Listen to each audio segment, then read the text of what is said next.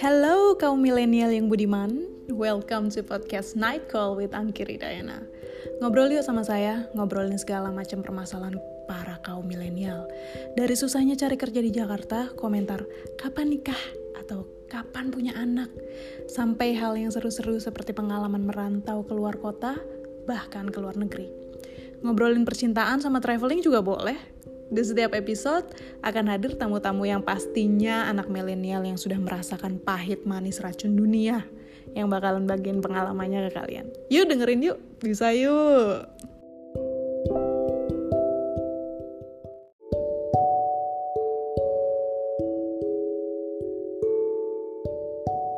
Happy Thursday everyone. So, hari ini saya bakalan ngobrol sama Bang Farhan anak Garut yang sekarang lagi kuliah di Turki. Jadi bulan Maret lalu saya sempat pergi ke Turki nih bareng teman saya namanya Rika. Yang ngobrol juga bareng saya di episode 15. Nah, Farhan ini temennya Rika waktu masih kuliah di Jogja yang sekarang udah pindah ke Turki. Selama road trip, kami bertiga, saya Farhan dan Rika di Turki, saya jadi banyak belajar tentang hidupnya Farhan di Turki tentang keputusannya untuk merantau jauh dan gimana anak Garut ini bisa ended up di Turki. Susah senangnya di sana sekaligus tips untuk liburan di Turki. Check it out.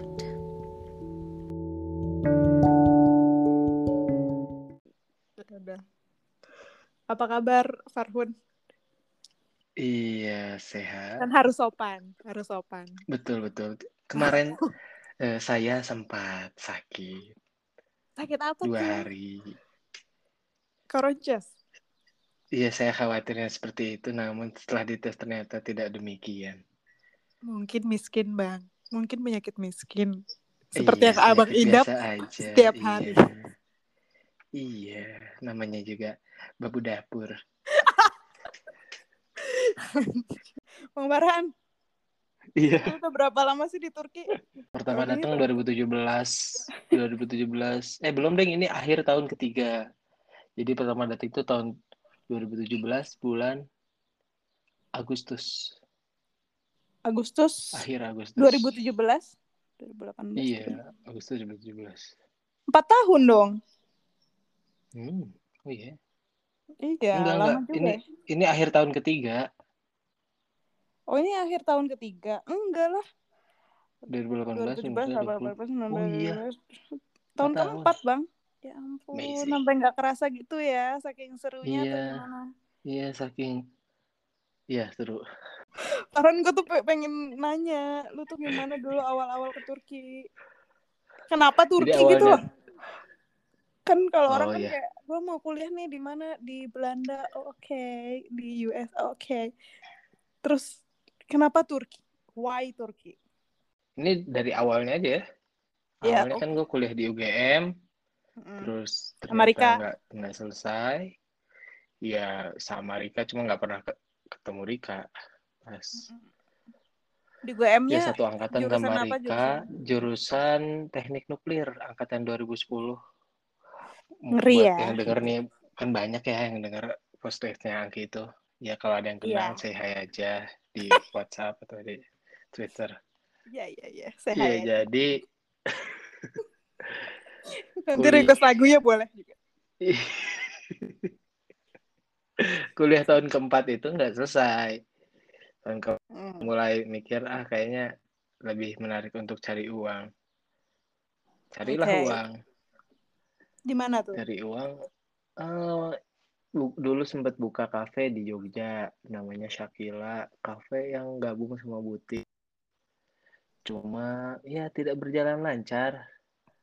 Oh, jiwanya sempet- bisnis sempet- ya sebenarnya. Dulu sempat berjalan ya, sempat berjalan ya alhamdulillah gitu lancar. Terus eh, ketika lancar-lancarnya orang tua nanyain kira-kira masih bisa S1 nggak? Ditanya gitu kan sama orang tua beda ya rasanya ya. Maksudnya Hancur. Terus eh, apa tadi terakhir lu iya jadi sekolah di jadi mana? dulu tuh iya dulu tuh nyari nyari kampus-kampus aja, nyari opsi-opsi. Salah satunya udah daftar juga di Univ PGRI jurusan ekonomi. S1. Apa aja gitu, yang penting S1. Iya sebenarnya ya sebenarnya nggak gue banget gitu ekonomi PGRI ya. ya udahlah yang penting S1 dulu. Terus uh, adik gue berangkat ke Turki ya adik gue setahun itu berangkat ke Turki terus adik gue bilang ya udah kalau mau sekolah lagi mah di sini aja karena di sana uh, ya karena satu luar negeri gitu at hmm. least kalau nggak dapat prestis kampus ya dapat prestis kalau itu di luar negeri gitu oh, oke okay. somehow kan orang Indonesia masih beranggapan ya selama itu di luar negeri ya lu lebih baik gitu daripada di kampus yang biasa aja tapi di Indonesia gitu Iya benar-benar benar.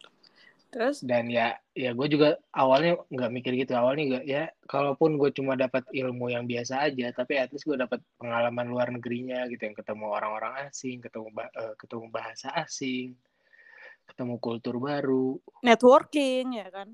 Networking dan ya, gue juga mikirnya mungkin di luar negeri kayaknya ya setahu gue yang gue tahu di dari internet dan film-film ya lebih forgiving gitu untuk or orang seumur gue dulu tuh gue umur berapa ya 25 tahun yang baru mulai S1 lagi gitu. Ah, uh, yang memulai lagi ya.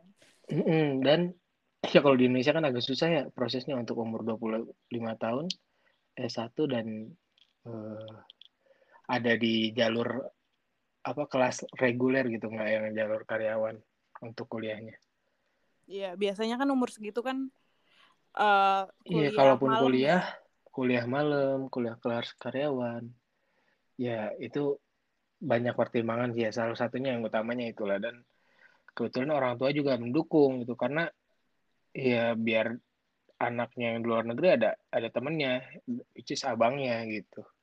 Hmm, iya, gue tuh dari dulu kayak ya itu nggak nggak pernah membayangkan uh, ternyata banyak orang Indonesia sekolah di Turki itu kan dan pas ke sana hmm. weh banyak juga ya dan pas lu bilang ternyata emang uh, salah satu destinasi untuk uh, belajar kuliah di luar gitu ya nggak sih Turki? Eh, nah sekarang tuh sebenarnya buat orang-orang Indonesia ya, uh, kenapa Turki jadi destinasi utama? Karena ya alasan pertama Turki itu lebih mirip Indonesia dari segi kultur Islam ya. Maksudnya uh, yang gue lihat juga di sini uh, banyak gitu. Nggak nggak nggak mayoritas cuma banyak ya 40 persen lah dari mahasiswa yang dikirim ke sini itu. Alasannya karena di sini juga uh, gampang nyari makanan halal dan masjid di mana-mana gitu. Tapi yep, yep. juga nggak yang uh, harus belajar hadis dan Al-Quran gitu.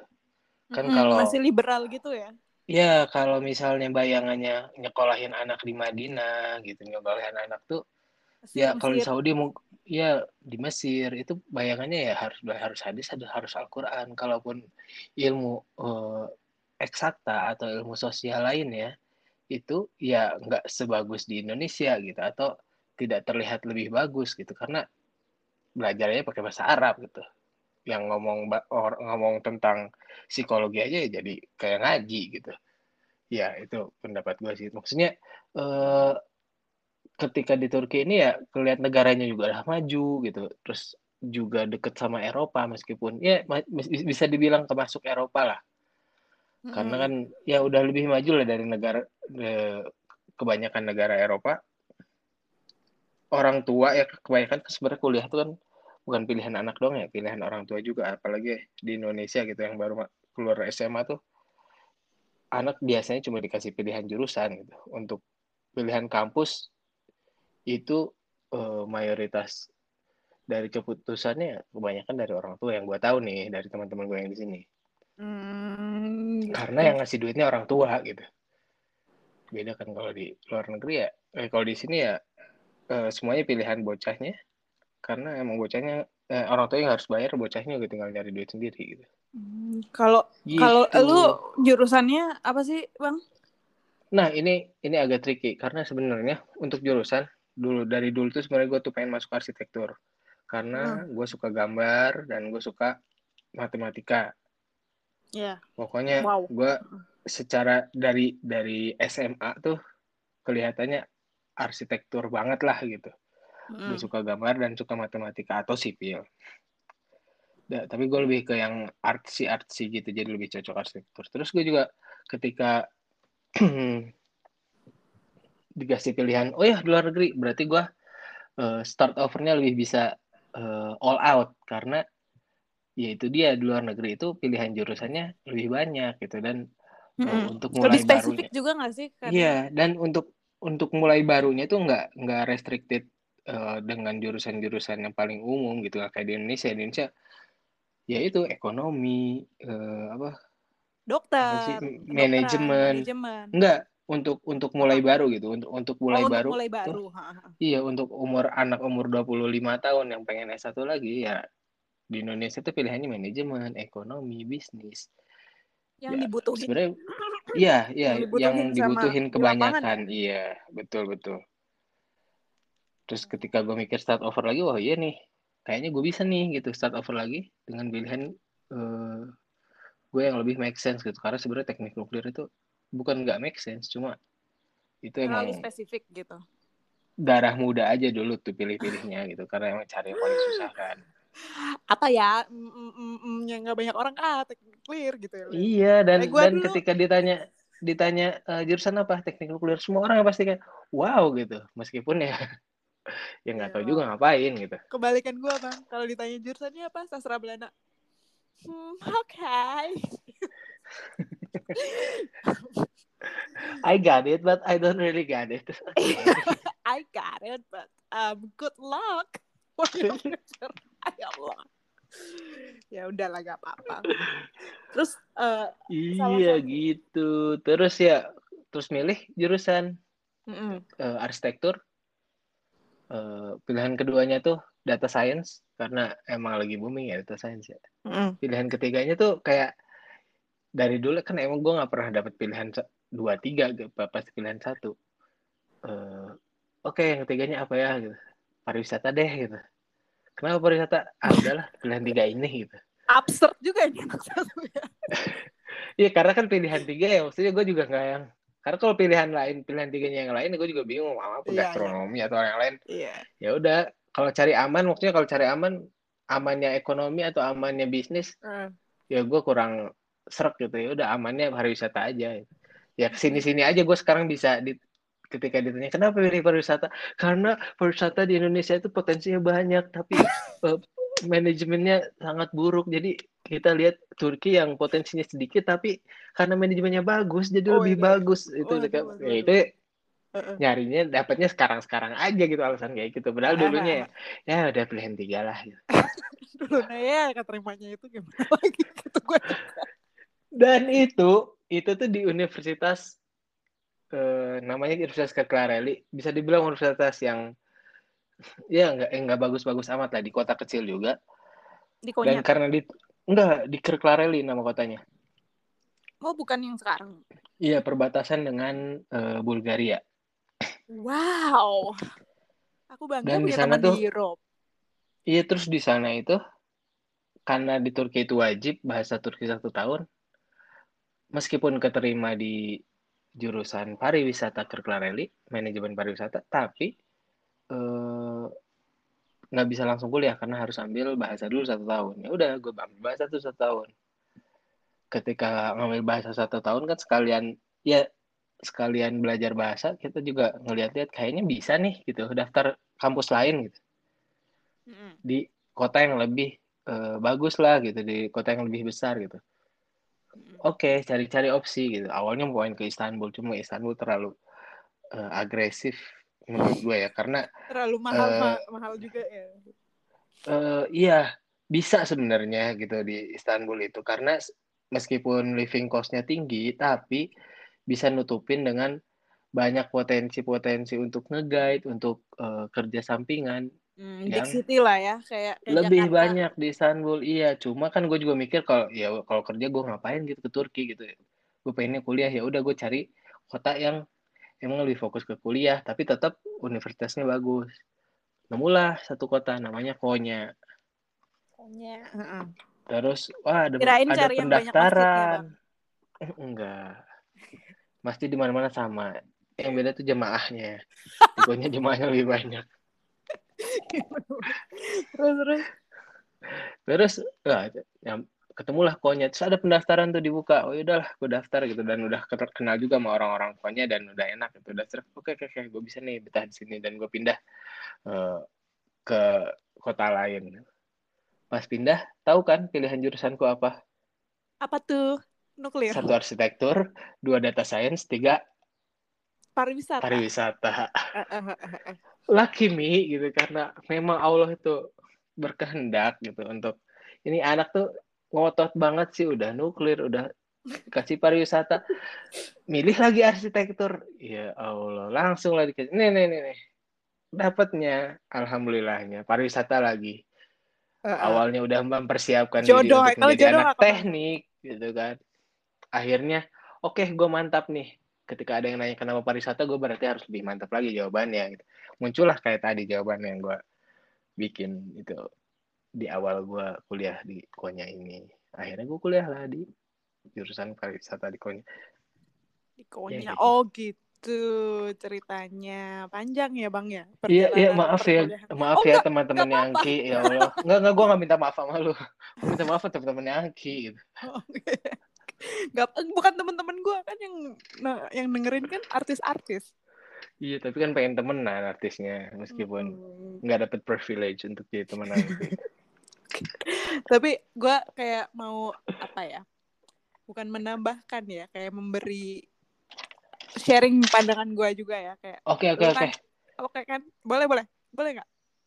Iya, iya dong. Kan kayak lo bilang kan uh, ya di Indo kalau misalnya cari kerja nih yang paling ditanya pertama kan biasanya kan ya itu kampusnya mana gitu kan? Kuliahnya hmm. apa? Terus kalau luar negeri memang lebih dihargai dan um, menurut gua kayak kalau lu kuliah di luar nggak nggak kuliah juga sih. Kalau kuliah atau kerja di luar itu survival skill lu nambah nggak sih? Kayak uh, ada momen-momen di mana lu harus berpikir kayak eh, gimana gimana nih biar gua survive di tempat ini? Gitu. Kalau nggak punya duit gimana nih gue biar cari duit? Gitu gitu nggak sih bang menurut tuh apa gue sotoy apa? Enggak sih emang emang emang emang banyak momen di mana ketika di luar negeri itu bedanya ya banyak momen ketika lu nyadar ya ini bukan negeri lu gitu. You don't belong here mm -hmm. gitu. Bukan masalah uh, kerjaan atau capability ya.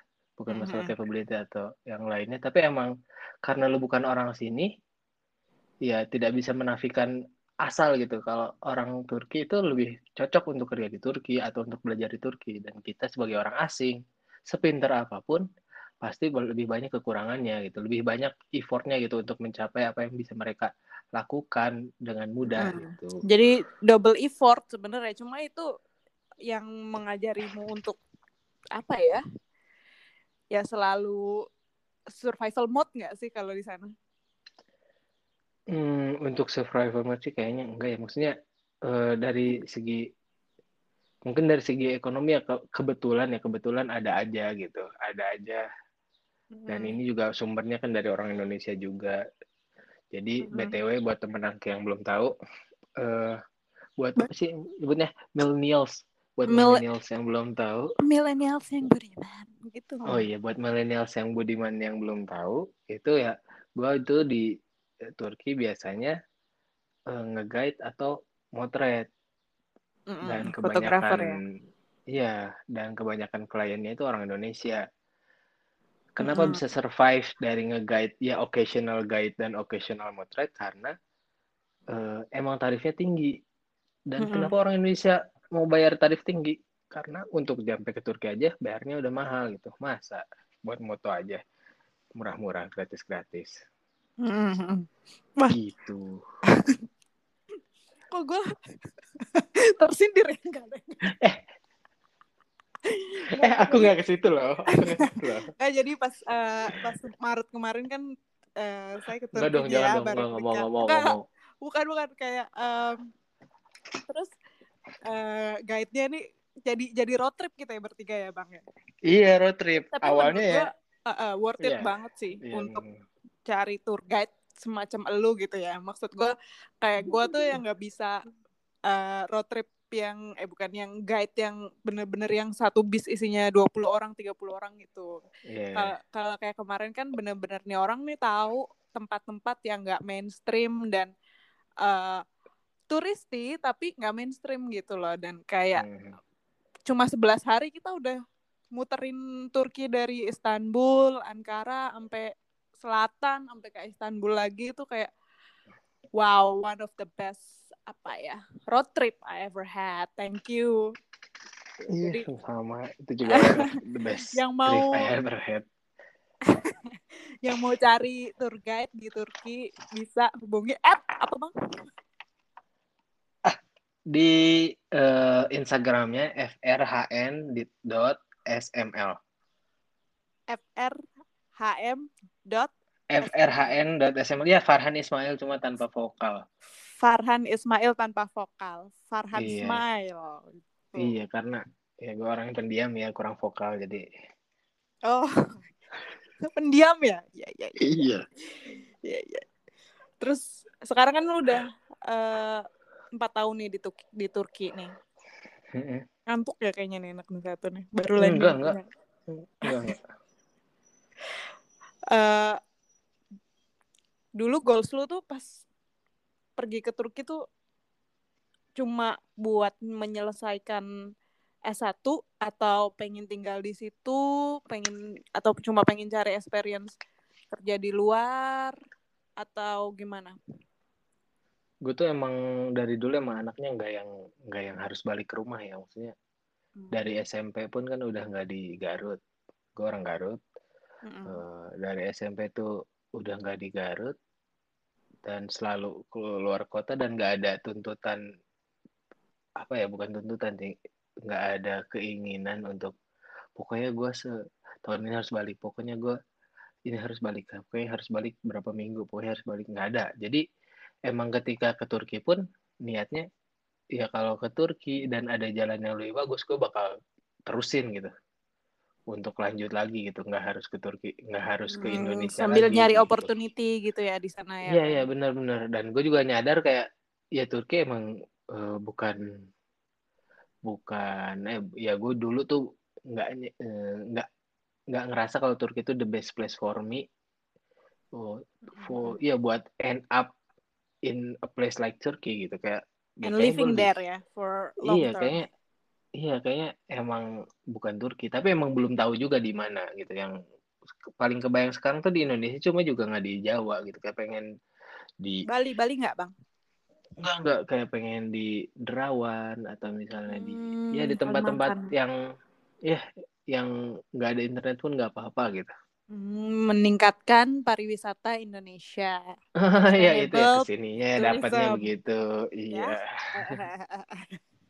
ya, tapi kan kayak uh, ada nih orang-orang yang kalau kayak gua nih pas merantau ke Aussie kan tadinya kayak pengen iya gua kayaknya pengen tinggal lama deh di sini baba gitu. Tapi pas udah di sana tuh kayak "Em, mungkin nggak begitu cocok ya gitu. Ada yang cocok Mhm. ini tapi kayaknya uh, I will keep searching gitu. Kalau Bang Farhan sendiri berarti uh, sama ya kayak gue ya masih mau mencari negara Iya betul dan lain dan sebenarnya gue juga nggak nggak masalah kalau my entire life is uh, ya s- eh, spent by searching gitu. Kalau sampai sampai akhirnya gue nggak dapet, tapi kalau gue tetap nyari gitu, nggak berhenti berhenti, gue tuh it's okay gitu. Ya, and enjoy the process kan Iya, gue nggak harus punya hometown. waduh sama banget kita nih bang Udah duh. Aduh, duh. Gila. makanya nyambung kita ya di road trip Iya, chemistry 11 kita hari. selama 11 Eh, eh, hari kayaknya itu hari ke-12 beda sendiri. Iya. Iya, padahal padahal awalnya itu temen deketku tuh Rika gitu. Pas di Iya. akhir tuh Rika jadi eh, someone else gitu. Enggak, tapi pas pas pertama kayak siapa sih Rik temen lo Rik iya temen kuliah dulu di UGM gitu pas datang hey gue Farhan bawa buku ya kan murah kami terus gue kayak Iya, gue baru "Ini anak baru kayak beres. pinter terus kayak kayak punya akhlak gitu loh tapi kayak 20 menit habis itu enggak enggak, enggak punya akhlak Gue menjaga diri gue untuk tetap profesional gitu. iya di lima menit pertama gitu kalau Enggak, enggak, enggak, enggak lima menit. Gue berusaha 20 menit. Beberapa jam pertama tuh kayak fine, fine, fine. I can make this out, I make this out. Ternyata ini ya untuk para millennials yang budiman. Kakak Angki itu ya. punya skill untuk mengorek bagian dalam manusia yang sebenarnya manusia itu tuh gak nyadar kalau itu ada di situ gitu. Gimana nggak ngerti nggak ngerti ketinggian ketinggian ini bahasa nuklir. aduh, aduh, aduh, aduh. Ya udah lu uh, Ya udah intinya ya, ngomongin lu apa? gue tuh pengennya pengennya ke Turki itu sebenarnya awalnya cuma pengen kuliah aja gitu. Tapi kalau emang kerjaannya ada di Turki, gue tetap di Turki. Cuma gue nggak yang punya tujuan harus banget eh, tinggal di Turki atau harus banget balik ke Indonesia gitu nggak ada. Hmm, fleksibel ya, Bang ini fleksibel. Iya memang. Memang memang. Dan uh, gue juga ya kayak yang tadinya tuh gue nggak ada bayangan gitu loh uh, buat bahkan buat liburan ke Turki gue nggak ada bayangan karena yang yang Mhm. setahu gue kalau orang liburan ke Turki itu kalau paket umroh plus ke Iya, Turki betul, betul. gitu. Ha-ha. Dan kayak ya itu yang gue gua pikirin Turki em, ya eh apa eh, wisata religi kan jadinya jatuhnya. Gua pikirnya tadinya gitu, tapi pas kemarin dapat eh, paket miskin deh sama Rika ya itu cuma beneran tiket pesawatnya kan sembilan ratus ribu PP ya. Terus eh, pas ke sana juga gue nggak nggak expect apa-apa sih bener-bener yang kayak bahkan yang yang ngatur yang ngatur itinerary mau ke mana mau ke mana kan Farhan sama Rika Hmm. ya gue coba iya iya iya ya gue coba butuh liburan nih udah udah udah lama banget gitu pas Iya, di iya. sana wow gila sih parah maksudnya one of the best country I ever visited gitu Iya ya kayak dan dan itu menurut gua apa eh, one of the best eh, time to visit gitu. Dan gue juga nggak iya nyadar bener itu bener pada saat itu. itu kayak habis winter mau mau spring ya Iya mau spring. dan masih masih salju gitu-gitu yang gue kayak road trip nih gue gue udah sering road trip ya maksudnya bukan, bukan sombong bukan maksudnya gue ada Iya iya beberapa iya. kali road iya. trip gitu di, di pas tinggal jadi pembantu di Aussie gitu.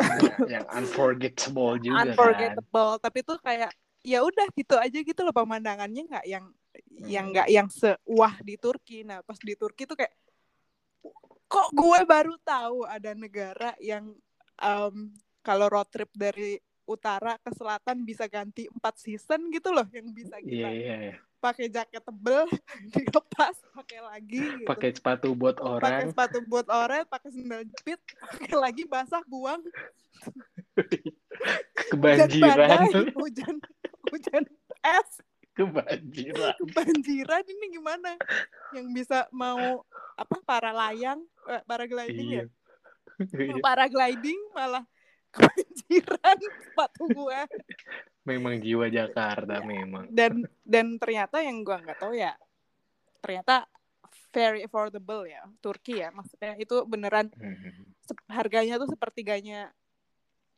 Aussie lah maksudnya bahkan di sama Bali tuh kadang lebih murahan Turki loh kalau gua pikir-pikir ya sekarang kayak Untuk liburan ya. untuk liburan makanannya Hmm. akomodasinya Hmm. terus apalagi ya ya itu kita main ski aja gue kayak nanya ke Farhan pas eh, kan pakai pakai kartu Genius ya pas di di tap lah tujuh puluh lima ribu rupiah gitu. Udah udah ditukar sama lira, lira ya tele ya. Hmm. terus gue kayak ini buat tiga orang apa gimana sih Farhan? Gue nggak ngerti deh gitu. Itu buat tiga orang. Ah satu orang dua puluh lima ribu? Iya. Dan itu main main ski ya kita ya yang di di tempat yang proper yang ya ampun gue kayak ini gue baru merasa Hmm. eh, ada negara yang gue kunjungi yang gue nggak pura nggak perlu pura-pura kaya gitu loh Iya iya udah kayak beneran gitu kayak ya, ya gesek aja lima gitu. ribu eh, eh, Wah, dan gesek lebih aja, gitu. murah Eh, Iya gesek aja gitu yang kayak. Hah, di di Bali aja lu mau masuk Bali Zoo apa apa apa itu nggak nggak ada kayaknya yang di bawah lima puluh ribu tujuh puluh ribu ke Hmm. atas gitu loh bahkan kayak sekarang masuk masuk waterfall kadang bayar juga segituan juga tuh kayak ya ampun Iya ada mana ada momen-momen masuk museum gratis.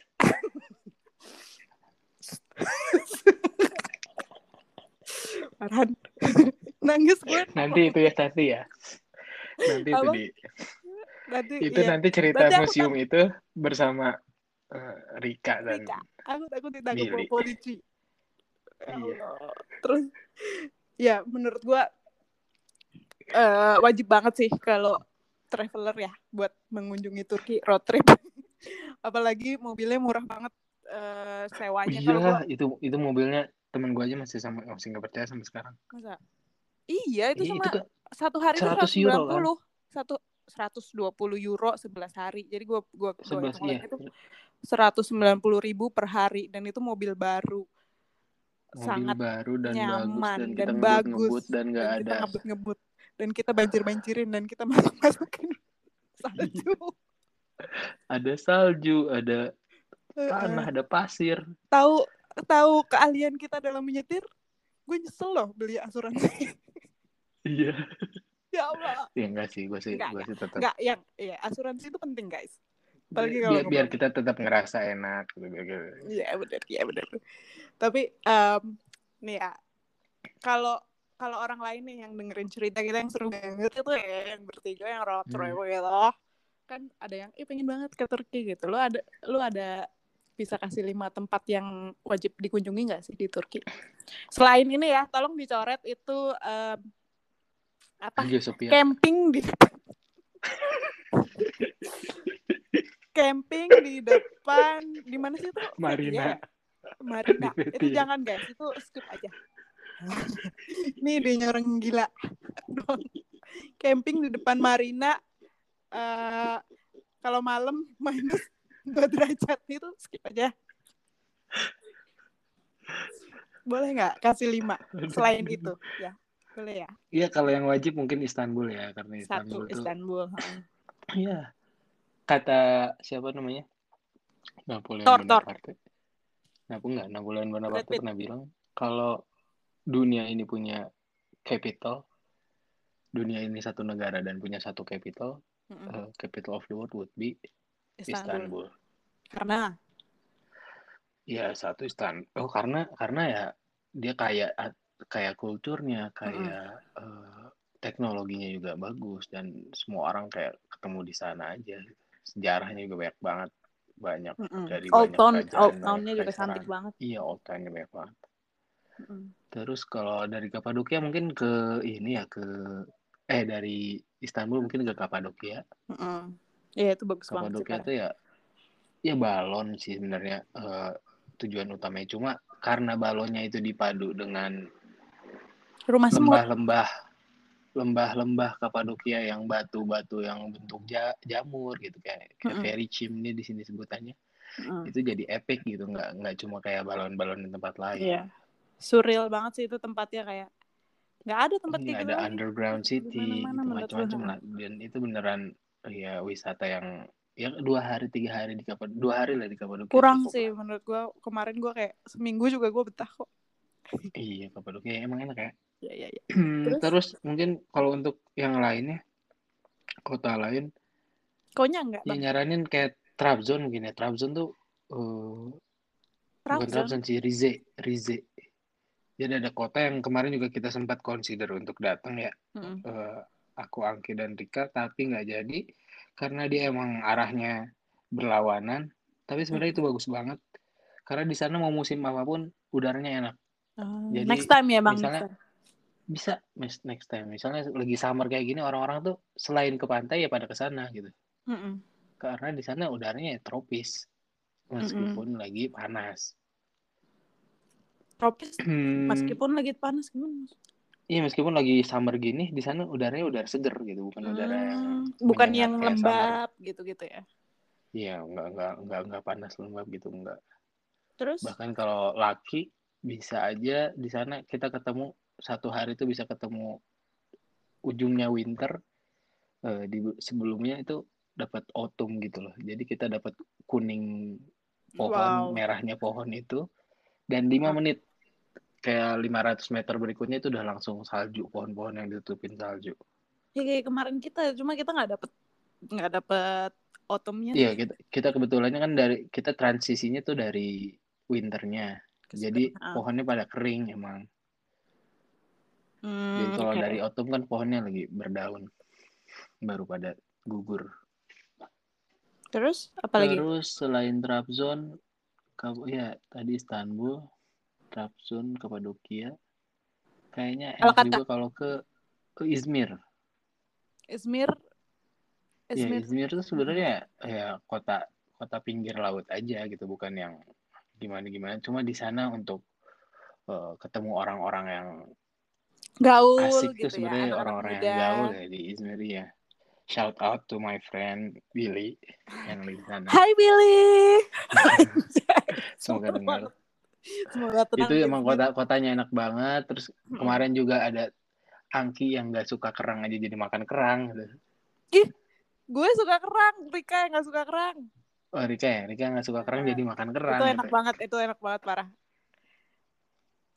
Tapi Izmir emang kalau buat gue kayak bagus, cuman uh, kalau anak muda itu pasti suka di situ ya. Cuman kalau orang, Hmm, tuh. orang tua mungkin hmm, Kalau kalau orang tua mungkin pilihannya ke Antalya ya. Antalya tuh Antalya kotanya ya. tuh bagus karena dia tuh eh, garis pantainya deket banget sama Gunung Batu. Jadi kayak di Indonesia sebenarnya ada beberapa tempat kayak gini. Cuma ini kan Mm-mm. iklimnya beda ya, iklim eh, Eropa. Jadi lebih Mm-mm. bagus juga Dan kadang-kadang. Waktu itu kita makan di restonya di Antalya juga kan ya, resto Oh iya di Antalya tuh ya. apa Air Mahe Mahayesi Apa ya. namanya? Air Mahayesi kalau nggak salah itu kayak apa ya kita benar-benar cari tempat makan seafood paling recommended di di Antalya terus pas ke Iya. sana wow blow my mind Iya dan gue gue Kan- tuh nggak nyangka kalau itu tuh bakal blow your mind gitu karena lu kan di Iya. Bali kan secara gitu. enggak enggak begitunya enggak dan dan kayak pas pas kita bayar ya maksudnya kayak kan gua kan kayak ya oh, ini enak banget gitu loh dan em, mungkin mahal gitu gitu kan Hmm. Pas Dan gue udah warning juga ini iya. agak mahal.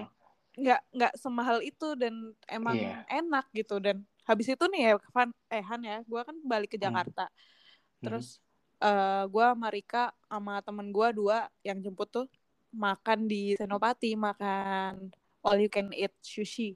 Sushi sama sashimi gitu.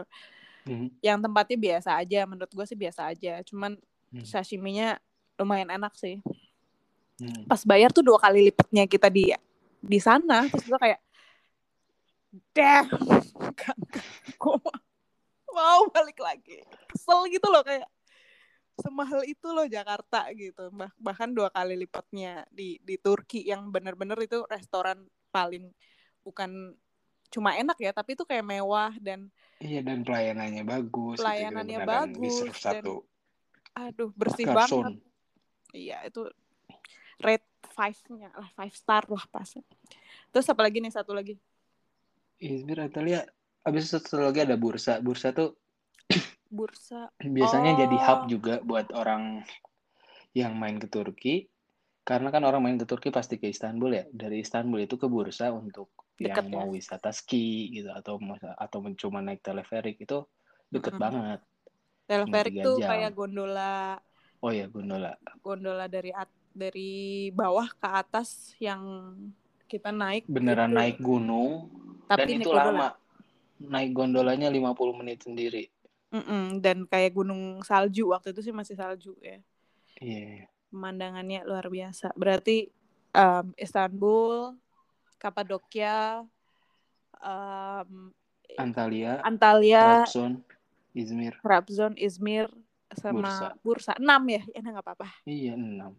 bagus ya walaupun eh, ini eh VTY kalau ada yang mau paragliding tapi dicek Ya, jam untuk yang Hidden jadwalnya. Paradise, Hidden Paradise, Hidden Gems, Hidden Gems itu ada. ada Cuma kan itu Eh, biasanya cuma satu spot aja atau cuma ya nggak Iya. banyak spot yang nggak yang sehari di aja. situ juga gitu Iya, kan. yang, yang cuma lewat aja kita bisa selesai habis itu pindah kota lagi. Mm-mm. yang benar-benar ada niat tertentu di kota itu mau ngapain gitu kayak kalau ke VTY ya Mm-mm. lu mau Mm. paragliding gitu gitu kan satu Hmm, atau misalnya niatnya mau sejarah yang apa eh, jejak para nabi itu ada juga. iya ada juga. Itu yang kayak konya juga. Iya, di Konya juga. Itu kan Konya pusat sufi dunia ya. iya. Rumi Rumi. Kuburan Rumi. Tapi ya duh keren banget sih. Gue gua pas balik dari Turki tuh gue beneran literally mikirin ah gue ngomong ke Rika "Rik, apa gue pindah ke Turki aja ya? Kayak kayak ini nih. Kini nih road trip terbaik yang pernah gue em, jalanin gitu. Dan ternyata masih affordable dan memang uh, somehow lebih murah daripada hidup di Jakarta kalau gue kalau gue bisa ngomong ya. Kalau apalagi kalau lu tinggal di Konya atau bukan di kota-kota kayak Istanbulnya gitu. Mm.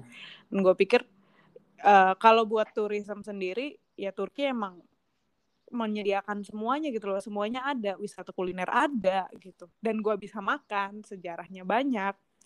Mm-hmm. uh, main ski ada pokoknya aduh gimana ya? Gue dalam hati berbisik gue harus balik lagi nih. Telepon bang Farhan bang Farhan gue ada di Istanbul. Pokoknya ya ya gitulah pokoknya keren banget. Dan apalagi lu sekarang memilih tinggal di sana sekarang ya milih tinggal yeah. di iya. sana. Dan kayak oh I got it I got it why why you choose to live there now gitu. Dan menurut gue yeah, kalau ada yang sebenarnya kalau ada yang mau yang ke sini ke Turki ya jangan terlalu banyak mikir apa ya. Hmm ya sebenarnya di sini apa aja bisa dapat gitu. Jadi jangan terlalu mikir ah kalau di Turki berarti Istanbul Kapadokia ah, gitu. Nggak juga berarti ya maunya maunya apa gitu. Maunya apa Aduh, bisa gitu. Iya kan mikirnya kan awal-awal gue ke Turki kan ah makannya gue pasti nih kebab kalau nggak gue slam mulu nih gitu. Ternyata ada loh seafood yang enak banget gitu kan yang iya. uh, surprise me ternyata Allah. ada gitu yang makan cuma keju aja itu ada tuh teman kita tuh. tuh Rika tuh dia makan keju aja udah. Keju yang asinnya kayak upil itu. Iya udah Doyan kita mau banget. udah iya ya enak. Kayak gitu padahal oke okay, kita hibur aja teman kita. Iya itu iya iya kita kasih aja dorong aja kejunya ke di tapi ya bang um, beneran keren banget. Gue juga uh, salut sih sama cerita hidup lu juga ya. Maksudnya yang berani untuk memulai lagi di usia 25 tahun gitu. Yang if if this is isn't right for me is this is isn't right for me gitu kan. Pas lu di mm-hmm. UGM gitu terus memulai di sana. Dan ternyata ya lu somehow menemukan apa yang lu cari gitu loh. Ya walaupun ada hal-hal yang belum ketemu um, lu tetap apa ya ada intensi untuk keep on looking gitu loh dan enjoy the process ya nggak sih iya, while betul, betul. searching for that you still enjoy the process ya tetap aja ada ups and down di mana pun lu hidup tetap aja ada ups and down tapi at least lu moving forward dan you inspired other people gitu loh including betul me. betul betul buat orang Beneran. yang ngerasa kayak uh, ini bukan gue banget dan ya lu yakin dengan hal itu kalau menurut gue ya keluar aja gitu dari comfort mm-hmm. zone mau mau dari mana pun gitu. Daripada wasting your time iya meskipun itu udah udah lu, bi, lu udah lu bikin selama bertahun-tahun udah lu jalanin selama bertahun-tahun kalau emang lu yakin kalau itu bukan buat lu ya yeah. kenapa lu harus lanjutin gitu aja sih. Uh, jangan jangan dipaksa don't force gitu kan. Dan yeah, ternyata kalau kalau lu uh, bukan give up ya menurut gue bukan give up tapi starting a new beginning aja kayak kayak Farhan hmm. tuh menurut gue lu nggak give up kuliah di UGM lu nggak give up uh, apa bisnis lu di Jogja lu nggak give up untuk dapat S1 tapi you starting a new beginning in somewhere else yang even better menurut gua gitu lah even Iya dan dan giving up tuh kalau emang lu tahu konsekuensinya menurut gue itu bukan hal yang negatif. Yes, yes. Kayak ya gue juga kan sama kan kayak lu ngapain mm-hmm. sih ki lu you, you give up being a banker di Jakarta terus lu move ke Aussie jadi petani ya gitu tapi menurut gue itu bukan keputusan bodoh gitu loh yeah. kayak I got something that uh, nobody understands sih cuma kayak ya udah mm. buat gue aja gitu lah I feel okay I feel good gitu dan kayak um, I'm really grateful to meet you while I'm in Turkey gitu loh karena udah diajak jalan-jalan di dikasih inspirasi gitu loh untuk ya untuk you know do do something that uh, matters to you kan. Ya nggak iya, sih? betul, betul. apa enggak apa iya, itu dan, ada di kepala gue dong enggak dan buat gue sih emang trip kemarin tuh emang ya gue nggak bisa lupain sih. Cuma kalau kita cerita berdua doang kayak kita doesn't do the justice to the story gitu. Karena kita uh. harus tahu Rika juga punya iya jangan-jangan Rika seru banget gitu untuk kita seru ceritain banget. gitu dan seru banget kayak Billy juga udah punya dan kalau emang ada kesempatan ya dari kakak yeah. Angki ini untuk bikin lagi podcast oh pasti episode keberapa berempat itu ini. ya kita berempat lah iya nanti nanti saya bikinin ya kalau semuanya pada um, apa namanya free gitu ini kan yang iya, yang, lagi free. yang pengangguran kan gue doang kan Iya, gue juga pengangguran sih sebenarnya. Yang satu kan uh, dokter, yang satu Oh iya, dokter. yang satu Punya. uh, very success, successful apa Oh. manajer apa nggak tahu gue Iya, successful so- social manager, strategic, strategic manager. ya gitulah ya tapi ntar ntar pasti pasti gue bikin nih gue lagi WhatsApp dulu dulu Iya. Dan kemarin. oh iya iya, gue juga belum ngasih tahu ya ke kenapa eh, salah satu kenapa ya gue sekarang di Turki dan Mm-mm. keadaan lagi kayak gini. Ya kita kan lagi corona ya untuk yang Mm. baru dengar ya sekarang. Ya kan gue Mm. mikirnya Siapa kayak tahu ada anak lu tiga tahun lagi gitu kan, 10 tahun lagi dengerin Ah. gitu. Oh ini tuh lagi corona gitu jadi gue kasih konteks aja di Turki itu sekarang emang penanganan corona itu menurut gue tuh sebenarnya terkendalinya ya terkendali gitu karena apa pun yang mereka lakukan itu berdasarkan data dan eh, sesuai dengan apa ya parameter kewaspadaan. Jadi maksudnya kalau di Indonesia kan nunggu nunggu celaka dulu baru dikasih eh, tindakan gitu. Kalau di Mm. Turki ya semuanya diukur dulu kira-kira kalau dibuka sekarang gimana kira-kira kalau ditutup sekarang gimana semuanya kayak gitu jadi selama dua tahun ya udah ya belum dua tahun ya satu Hampir, setengah hampir, tahun hampir. ini kita ya satu setengah tahun ini kita ada di masa pandemi Turki itu bolak-balik dari lockdown buka. Lockdown buka. Ini salah satu negara yang paling banyak gitu bolak-baliknya. Karena Mm-mm. ya sebenarnya nggak bisa nutupin juga kalau Turki itu mirip sama Indonesia gitu. Dia juga banyak mem- eh, apa banyak eh, bertahan kepada eh, pariwisata juga. Jadi kita Hmm, emang harus dan dia buka satu- pariwisata. salah satu yang buka Dan- border ya? Betul betul buka border. Tapi ya karena dia juga harus menjaga harus maintain eh, apa kondisi pandeminya juga jadi otomatis banyak tutup buka tutup buka gitu. Mm-mm. tapi menurut gue mitigasi bencananya Turki itu advance sih udah advance gitu. Pas kita di sana liburan tuh masih kayak very safe ya.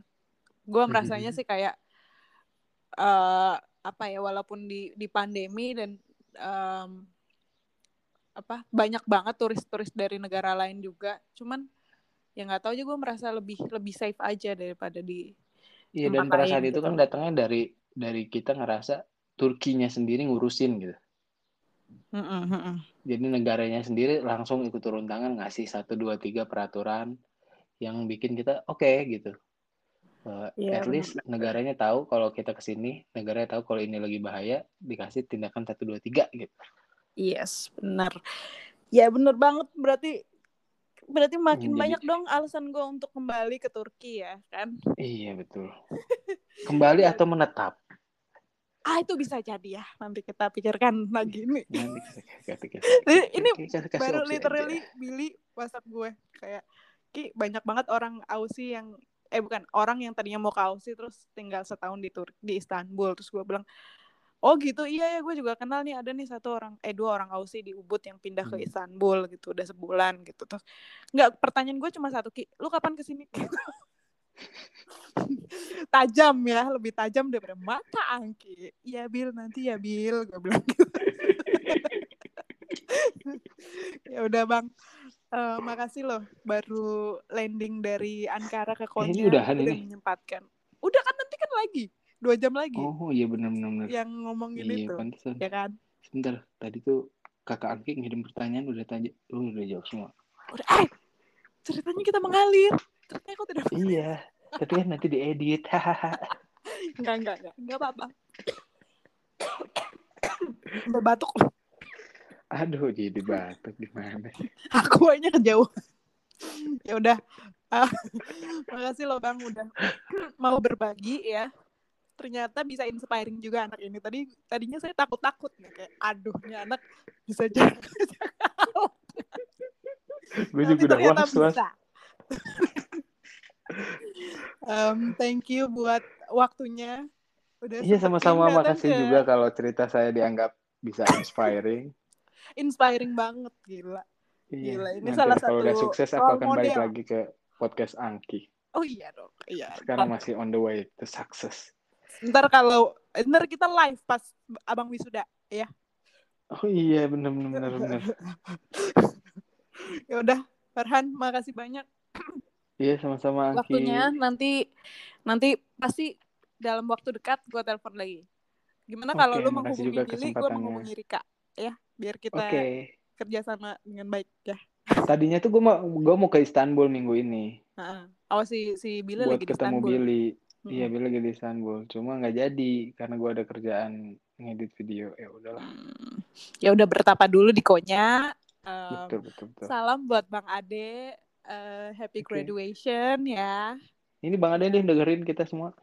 oh iya dari tadi Enggak lah, enggak bercanda. ntar Bang Ade setel radionya aja Bang Ade bisa tuh dengerin Oke, kita oke. dengerin suara aku yang ngomong ah buat Bang Iya, berarti Ade, ini menit ke 47. graduation." Oke, nanti dikasih tahu menit ke 47 aja kita eh enggak kan diedit harus dengerin dari awal Gak bisa Ya, udah, ntar gue ya yang udah ya udah ya Bela-belain. udah dicapai banget nih orang dengerin kalau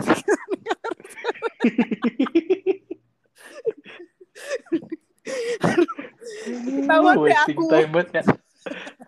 ya udah thank you ya Farhan Oke, day sama-sama. ya Makasih juga. Iya, kamu soon. juga. Ya, di podcast too. dan di Istanbul kayaknya Oke, bakalan love you. Bye-bye. love you dah Bye.